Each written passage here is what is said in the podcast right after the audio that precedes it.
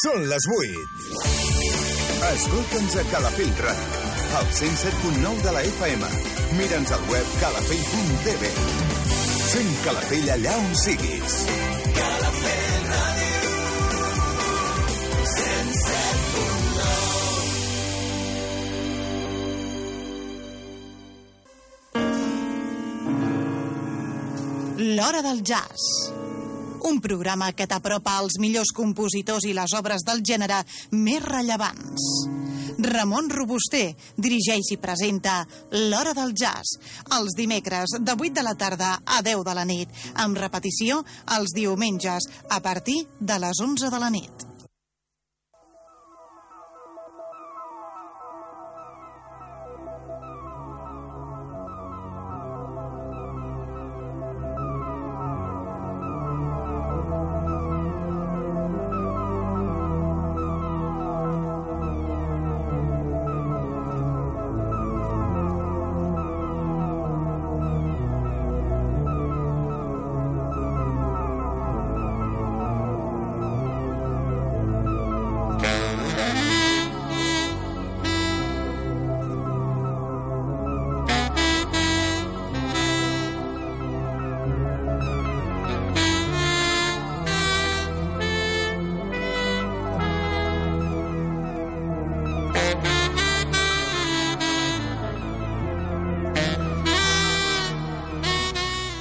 Jazz. Uh, L'Edu al control i Ramon Robuster amb els guions i el que us parla.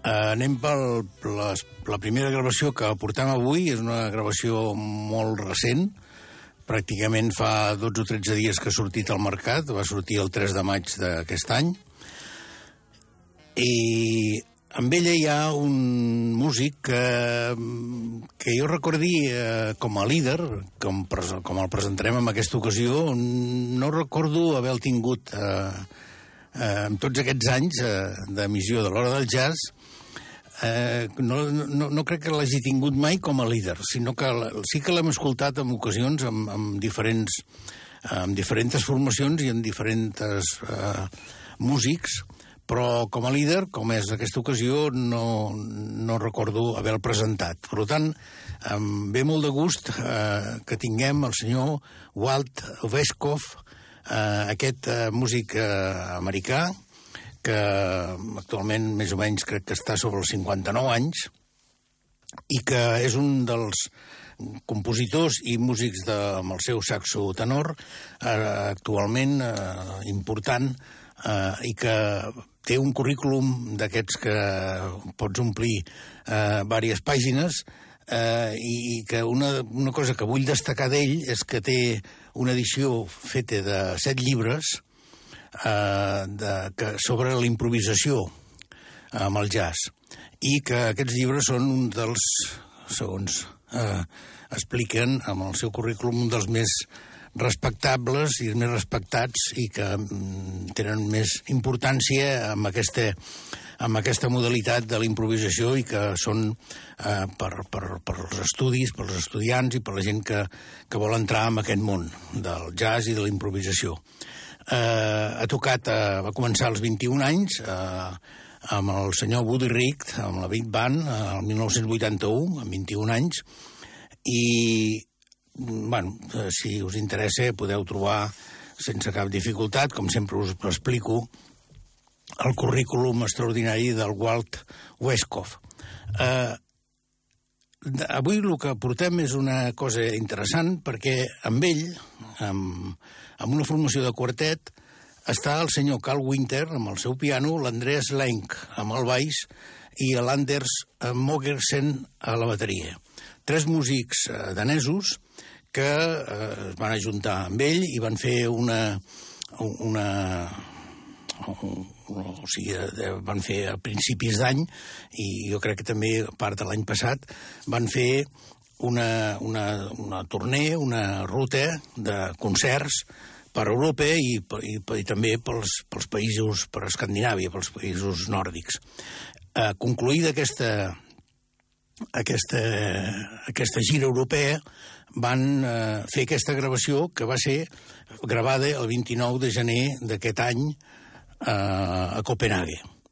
Eh, el disc s'anomena European Quartet Walls Video i eh, això que, que porta sona d'aquesta manera. Anem per la primera composició, que és el Black in Japan, eh, composició, com totes excepte dues, de les deu que hi ha en aquest àlbum, del Walt Westcoff, i que sona així. Uh,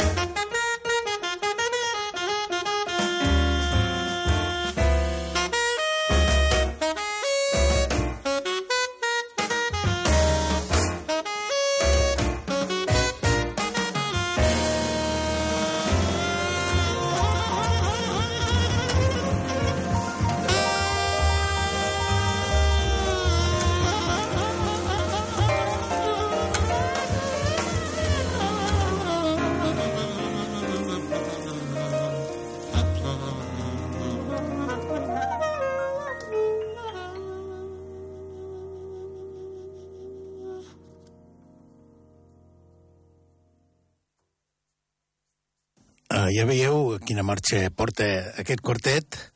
Estem, doncs, davant d'una gravació mm, interessant uh, d'un jazz uh, que es fa avui en dia i que té alguns, uh, algunes aportacions de jazz de fa molts anys, però amb una actualitat total i amb uns músics fantàstics que fan que soni d'aquesta forma com heu escoltat. Com us deia, d'aquestes deu composicions n'hi ha dues que, que són les úniques que no són d'ell, del, del senyor Walt Westkoff, i anem a escoltar una. Anem a escoltar una perquè jo crec que és una de les que hi ha interessants en aquest àlbum, és una de les balades i de les lentes fantàstiques que hi ha en aquest àlbum, que és el Soul Train de Tad Dameron i que eh, fa una versió fantàstica amb el seu saxo tenor, el, el senyor Watt eh, Weiskopf. Eh, vull remarcar també, i ja ho anireu escoltant, eh, l'aportació dels tres músics, però especialment la de Carl Winter, amb aquest piano que sona de meravella.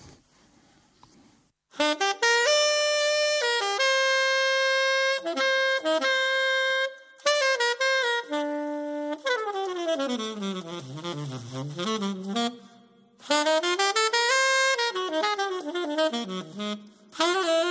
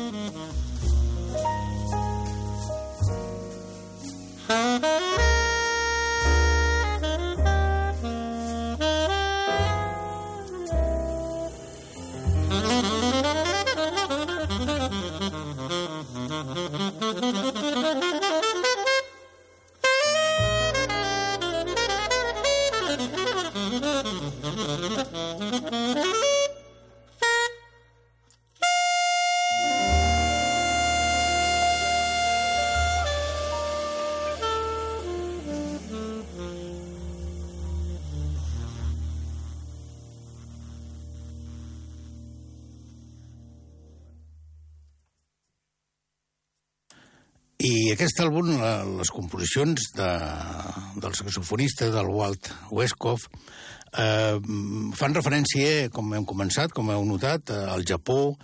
Eh, després hi ha la que escoltarem ara, que és la Russian Roulette, Eh, parla també una altra composició de Brasil, una altra d'una cançó escocesa.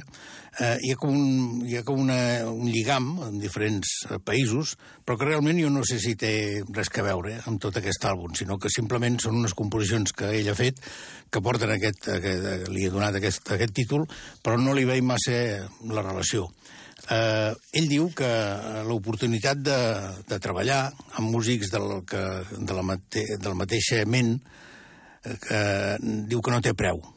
Eh, també diu que durant els darrers anys he tingut l'oportunitat de tocar amb aquests tres increïbles músics de jazz danesos i la nostra col·laboració per gravar eh, Walls Vida és la culminació d'aquests esforços fins ara. Eh, aquests esforços són tots aquests, totes aquestes gires que ha fet per molts puestos i que han culminat amb aquest àlbum fantàstic que recomano totalment. Eh, com veieu, és una novetat, estem parlant de que va sortir fa 10-12 dies, i que jo crec que quan ja estigui una mica més avançat amb el temps, les crítiques cauran d'una manera fantàstica sobre aquest àlbum.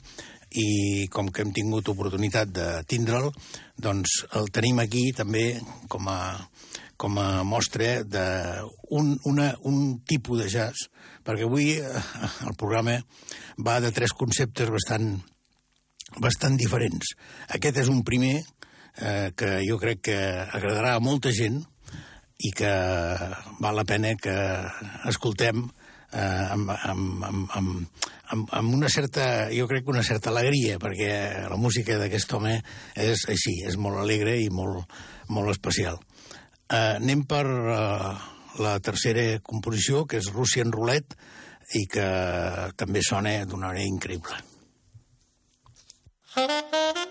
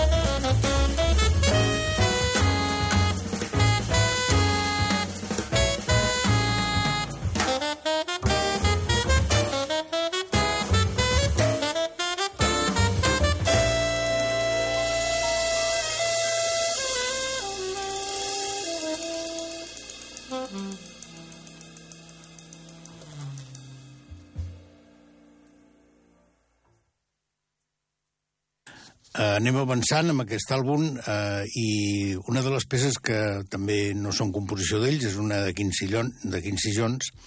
Uh, he, he optat per no posar-la eh, perquè jo crec que és més interessant, ja que estem parlant de d'ell de, com a líder d'aquest quartet uh, fantàstic, que com veieu s'adapten a la Meravell d'una forma...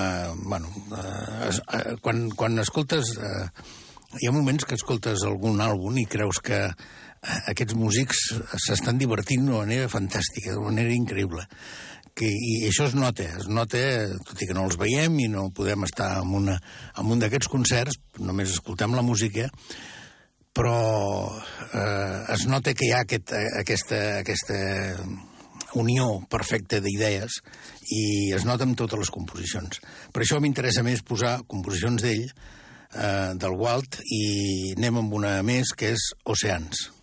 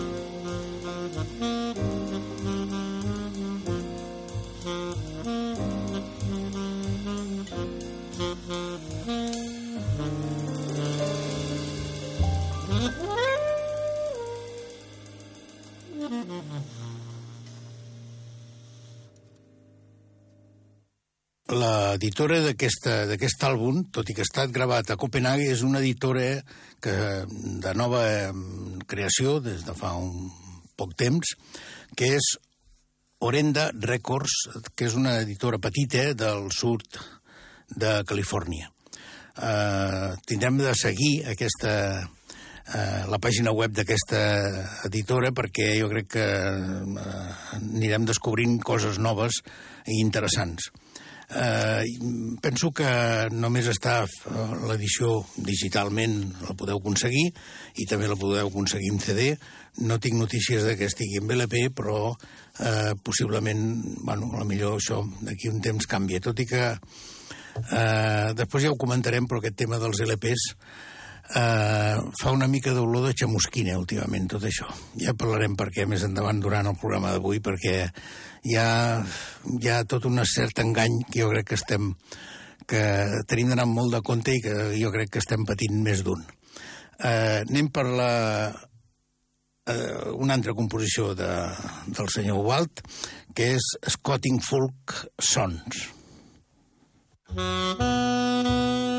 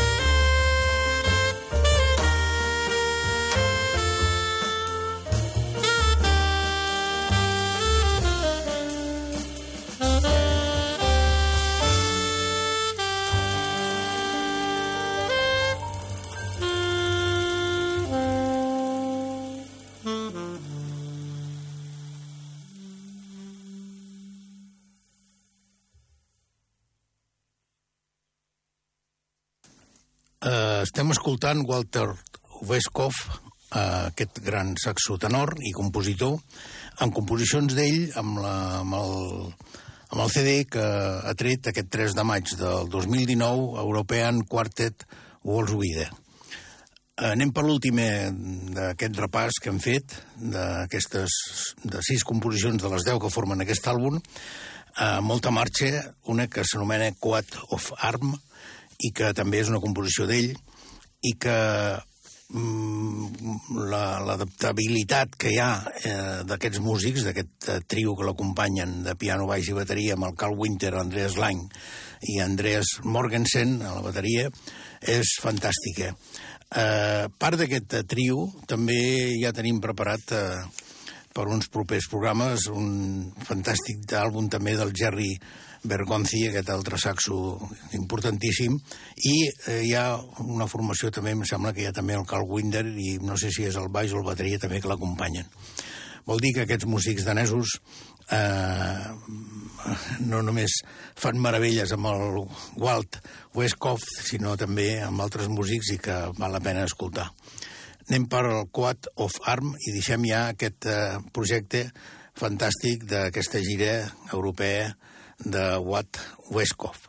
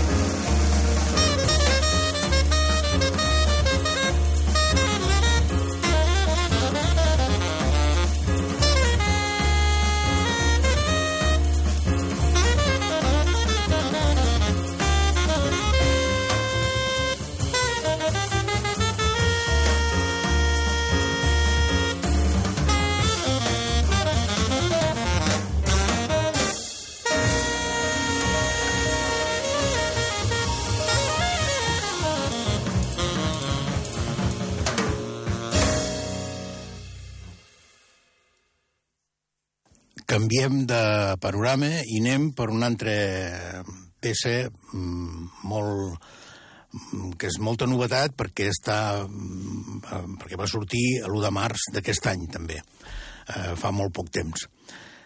Eh, em va cridar molt l'atenció eh, aquest, eh, aquest àlbum quan vaig veure la portada perquè el senyor Alex Co, que és el, el líder de, més o menys teòric d'aquesta formació de trio, eh, s'acompanya ni més ni menys que de Mac Turner i de Ralph Alessi.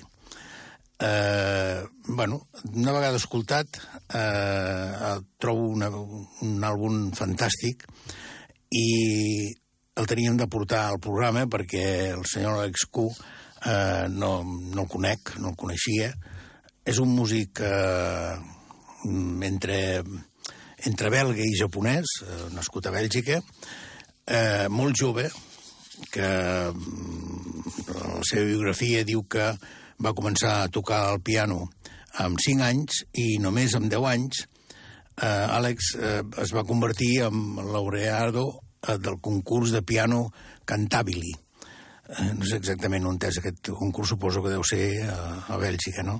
I va guanyar dos premis addicionals, el Premi Emanuele Durlet, eh, per a la millor interpretació d'una peça determinada i el premi a, a Chris Van Hoff eh, per al guanyador més jove. Això amb 10 anys. A partir d'aquí hi ha tota una carrera i tota una, una sèrie de, d'aportacions i el trobàs amb aquests dos grans músics, el Mac Turner, eh, aquest eh, saxo fantàstic, i el Ralph Alessi amb la trompeta, eh, a l'entorn de New York i començar a fer aquest trio. De totes aquestes actuacions ha sorgit aquest àlbum que s'ha creat eh, a través de d'una editorial d'aquestes de nova, de nova planta, que diem, que és Clever Tree Records, que, segons ells diuen, segons ells mateixos diuen, és una plataforma de llançament independent i d'artista corporatiu. La nostra filosofia és no tenir cap dret sobre la música ni interferir amb els processos creatius i artístics dels nostres artistes. Eh, és de les poques vegades que he llegit una cosa així d'una editorial. Aquestes noves editorials més joves totes van una mica per aquest camí, però aquest, aquest ho posa com a, com a, com a preàmbul i com a explicació de lo, de que ells són. Em sembla fantàstic, eh, perquè jo crec que si una cosa té el jazz és precisament aquesta llibertat que tenen de tindre els músics i aquesta llibertat total de creativitat i de, de situar-se on vulguin. Eh, anem per aquesta música d'aquests tres creadors eh, increïbles. Eh, com us deia, el fet de que Mark Turner i Ralph Alessi acceptin eh, amb aquest personatge, l'Àlex Q, eh, que toquin amb ells, ja vol dir molt, jo crec que vol dir molt sobre el propi Àlex, no? Eh, vol dir que el nivell està eh, similar i que, a més a més, aquí el que hi ha és que hi ha 12 composicions de, del, del senyor Q eh, barrejades d'una forma especial. Però anem per escoltar la primera, que és... Eh, hem fet un salt de la, de la 1 fins a la 6, anem a la 6 com a primera d'aquesta que escoltarem a l'àlbum. Realment escoltarem la 6, la 7, la 8, la 9 i la 10 seguides, eh, o sigui, vull dir, amb aquest ordre, perquè jo crec que tenen, no sé, és una manera de lligar un molt especial eh, passem de les primeres i anem directament amb aquestes. I anem pel Dormilón, que és aquesta en la que ja el trio està eh, d'una forma fantàstica. You.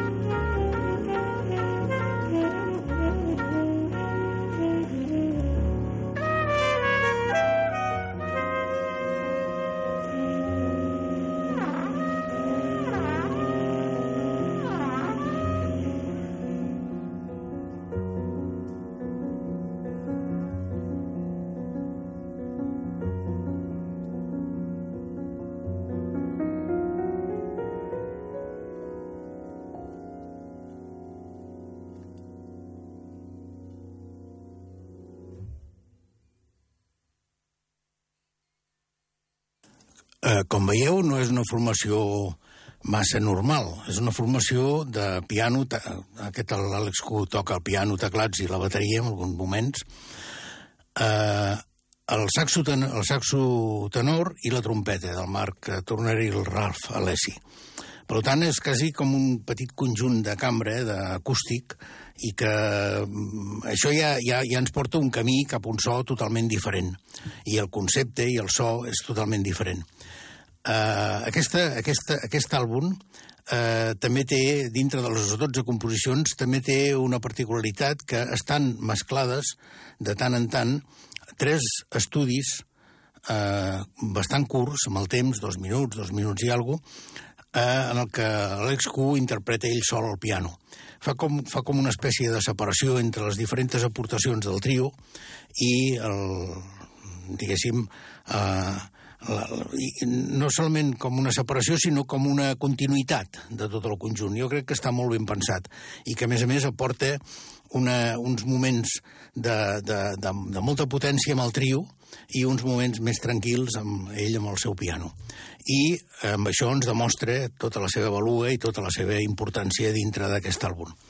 Eh, per tant, ara anirem a fer una combinació que és escoltar eh, la peça número 7, que és eh, Vidili Fluids, que és molt curteta, que és del trio i amb molta marxa, i després eh, un estudi d'aquests, que és l'estudi número 2 de Grace, eh, amb el propi Àlex Q ell sol.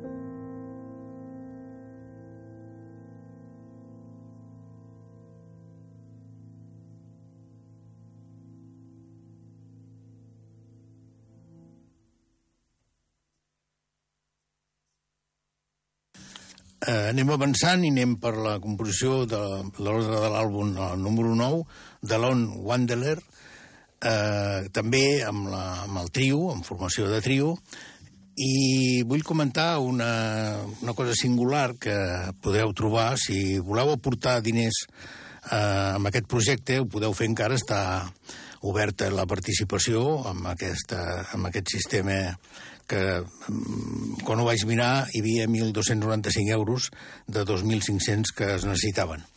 I és molt curiós eh, l'escalonat de preus des de 5 euros, 10, 20, 25, 40, 60, eh, que dona peu a tindre diverses coses diferents, no 100 euros o 350 euros. Eh, només us vull comentar, per exemple, la curiositat que em va cridar l'atenció. Eh, si aporteu 350 euros, doncs teniu el CD físic, la descàrrega, la descàrrega digital eh, a nivell màxim, i ell vindria a tocar en solitari al vostre, a la vostra casa per lo que vulgueu, per simplement perquè vingui a tocar, o per un casament, per una festa, i, so, i hasta diu, hasta si convé per un bateig. I diu sigui el que sigui. Això sí, a menys de 250 quilòmetres de Brussel·les i pagant-li els costos del viatge és, eh, bueno, més fàcil no ho teniu, no? Si voleu tindre el senyor Àlex Q eh, al domicili, doncs feu l'aportació per, aquesta, per aquesta fantàstica gravació i podeu arribar a aquests nivells. Ha sigut una curiositat que em va cridar l'atenció i que eh, volia comentar. Eh, repeteixo, Àlex Q amb el seu piano, teclats i bateria, Mac Turner amb el saxo tenor i Ralph Alessi la trompeta, amb, amb, amb, un, amb un àlbum que eh, intentaré dir el nom correctament, que és un nom belga que, que expliquen una mica aquí el que vol dir, però bueno, ho deixarem a veure si me'n surto Apple Blues sigui green. O sigui que entre blau i gris i, i, i verd, i, que no, però no és verd, és blau, no sé, una cosa similar. El nom és aquest i, com us deia, eh, el podreu podreu trobar aquest àlbum eh, a través de Clever Tree Records, aquesta nova discogràfica petita, però que amb la seva pàgina ja marca la pauta de lo que serà. Anem per eh, la composició i escoltem de nou aquest fantàstic trio. Mm.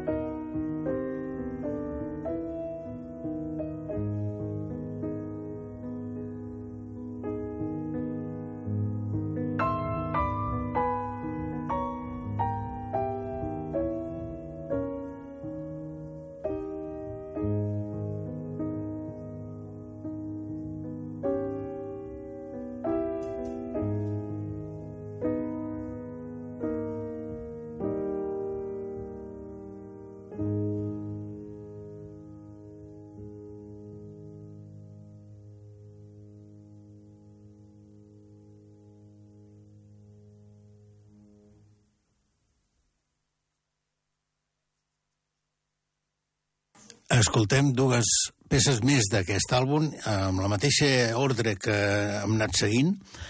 Eh, Estarem a la peça número 10, que és un altre estudi d'aquests amb ell al piano, un estudi curtet de dos minuts, i a continuació, sense que us digui res més, sentirem la peça que crec que porta el nom de l'àlbum, aquest nom tan raro que he juntat diverses paraules i que abans he intentat dir i no sé si me n'he sortit, però aquesta vegada per no tornar a fer la mateixa història, perquè aquí no estan separades les lletres, estan, bueno, les paraules no estan separades, estan separades, no com el, el títol de l'àlbum, però bueno, diem-ho en castellà i així més o menys, o en català, i així més o menys entendrem una mica de què va la cosa. Les pomes són blaves, però el mar és verd. Aquesta és la composició que escoltarem després d'aquest estudi número 3 d'ell sol al piano i tornem a passar altra vegada amb el trio amb aquesta peça que és realment meravellosa.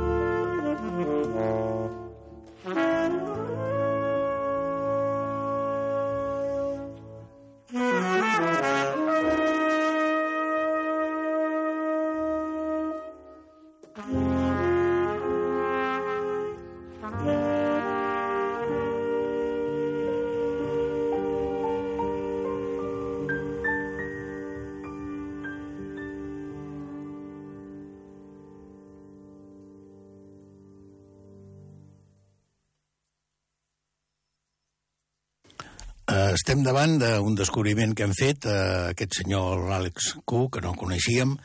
Com veieu, les composicions, una meravella, eh, una música totalment actual, eh, i jo crec que és un exemple de, de modernitat i de lo que, eh, lo que s'està fent amb el jazz europeu eh, actualment, i que podria estar molt pròxim a, a editorials que, com, que tots coneixeu, com la ECM, però que en aquesta ocasió va per lliure i que ell mateix és el promotor d'aquest uh, CD interessantíssim. Anem per l'última, la número 12.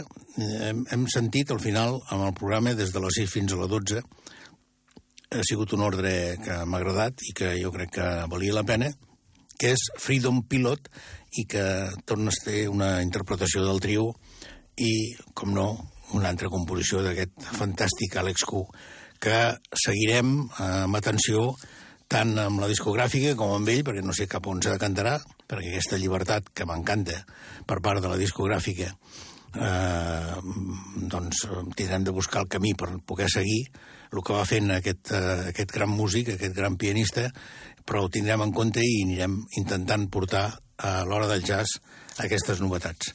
Anem per Freedom Pilot i despedim ja aquest àlbum d'aquest trio fantàstic eh, de l'Ape Blue Sea Green, més o menys.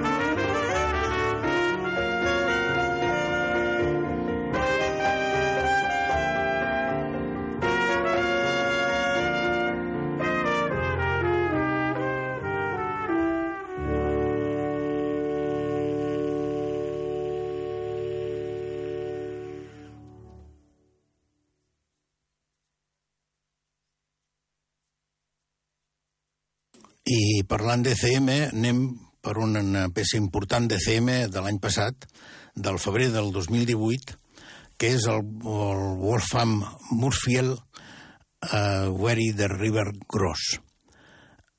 És, crec que, la segona aportació per ECM, ell com a líder, um, hi ha hagut altres moments que estava junt amb altres formacions, aquest uh, compositor i guitarrista fantàstic, i jo crec que és un àlbum també del 2018 dels, dels importants d'ECM. Eh, el que us deia abans d'aquest comentari que he fet amb el tema dels LPs, això ho podeu trobar en CD i en LP. Però me sembla que, que jo no vull parlar malament de CM perquè no, no conec exactament com, com, ho, com ho fan, com està feta l'edició d'aquests LPs. Però en altres ocasions, en altres editorials i en altres moments, crec que ens estan fotent el pèl, perquè és, no, no sé de què serveix realment, si tu tens la gravació digitalment, després d'aquesta forma digital passar a l'LP. Uh, no, no, no, no entenc res. O sigui, no, això no és el que dèiem, eh, senyors? Això no és el que, el que parlàvem. La gravació de l'LP és una gravació totalment analògica. I si volem tindre aquest so analògic, volem tindre aquest concepte que ens agrada i que apreciem tots i que jo valoro moltíssim d'aquest uh, so analògic, tot el camí ha de ser analògic. No podem intercalar eh, entremig moments digitals o gravacions digitals amb els grans conversors, amb unes freqüències de mostreig altíssimes, amb el que vulgueu, amb tot, els, tot el que vulgueu. Uh, però després tornava a convertir en una cosa totalment analògica, em sembla un, una presa de pèl total, perquè a més a més un LP d'aquests de qualitat, amb 180 grams, estan parlant de 25 euros o més, quan un LP val 12. Per tant, vull dir, un LP normal val molt menys, no? Uh, I un CD també. Llavors, no, bueno, si, si ho fem, fem-ho bé, perquè si no, nosaltres mateixos ens estem creant una manera de tirar enrere altra vegada. Uh, dit això, anem per aquesta gravació, que totes les DCM són extraordinàries, tècnicament, de el senyor Wolfgang Murciel amb la guitarra, al piano, ni més ni menys que Brad Meldau, a la trompeta l'Ambrosi Esquin Mussira, el baix Larry Granadier i la bateria l'Eric Harlan. Com veieu, eh, un acompanyament d'estrelles, però que s'adapta de forma meravellosa a el que els hi explica el senyor Wolford Musfield. Eh, anem per la primera, que és la que porta el nom de l'àlbum, The Where the River Goes.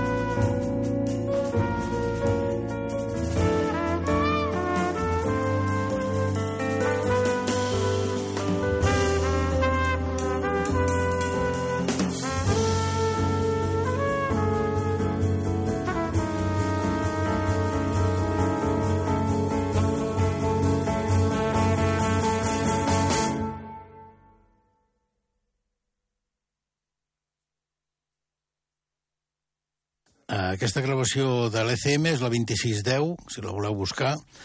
Uh, són vuit composicions, de les que set són del Wolfgang Musfiel i una de Brad Meldau, que precisament l'escoltarem. Uh, aquesta música jo crec que com menys paraules, ja us he fotut un rotllo abans amb lo dels LPs, uh, millor. Per tant, anem a Descendants, que és, com dic, composició d'ell, i seguidament, sense que digui res més, uh, Clearing. Eh, la primera, només vull fer un comentari, que és aquesta tensió que aquest començament lent i tranquil i que va agafant una tensió fins a una explosió total eh, que el senyor eh, el, el trompeta dona aquests tocs que fan que tot això vagi per aquest camí, junt amb la, amb la bateria, amb l'Eric Harlan, i després, altra vegada, la suavitat i la interpretació del grup cap als orígens. Eh, anem per aquestes dues composicions seguides.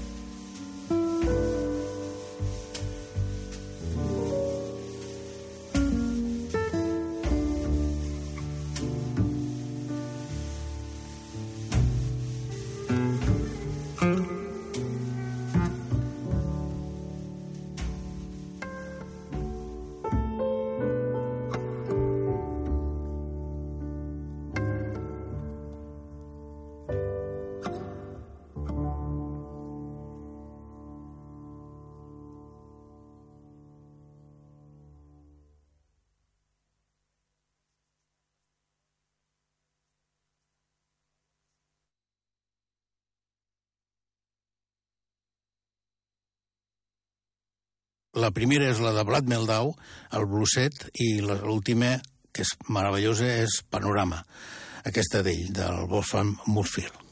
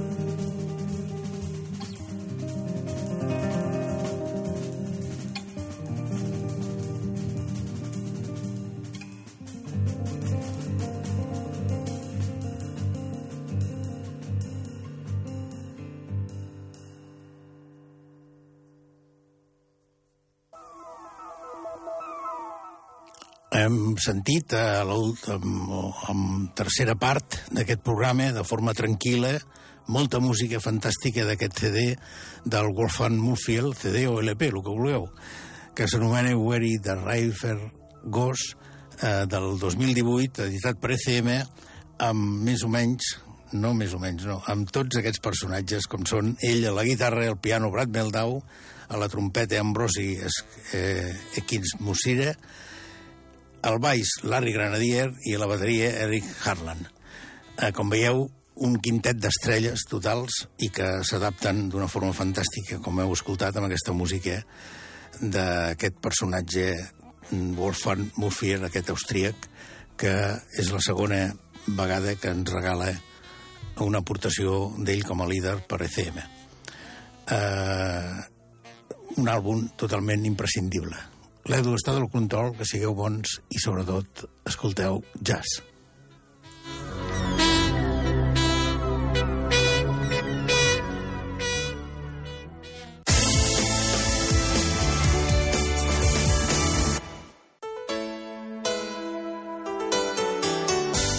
La publicitat de la ràdio és directa, efectiva i molt més econòmica del que et penses. Informa't al 977 69 44 44 977 69 44 44 Anuncia't a Calafell Ràdio.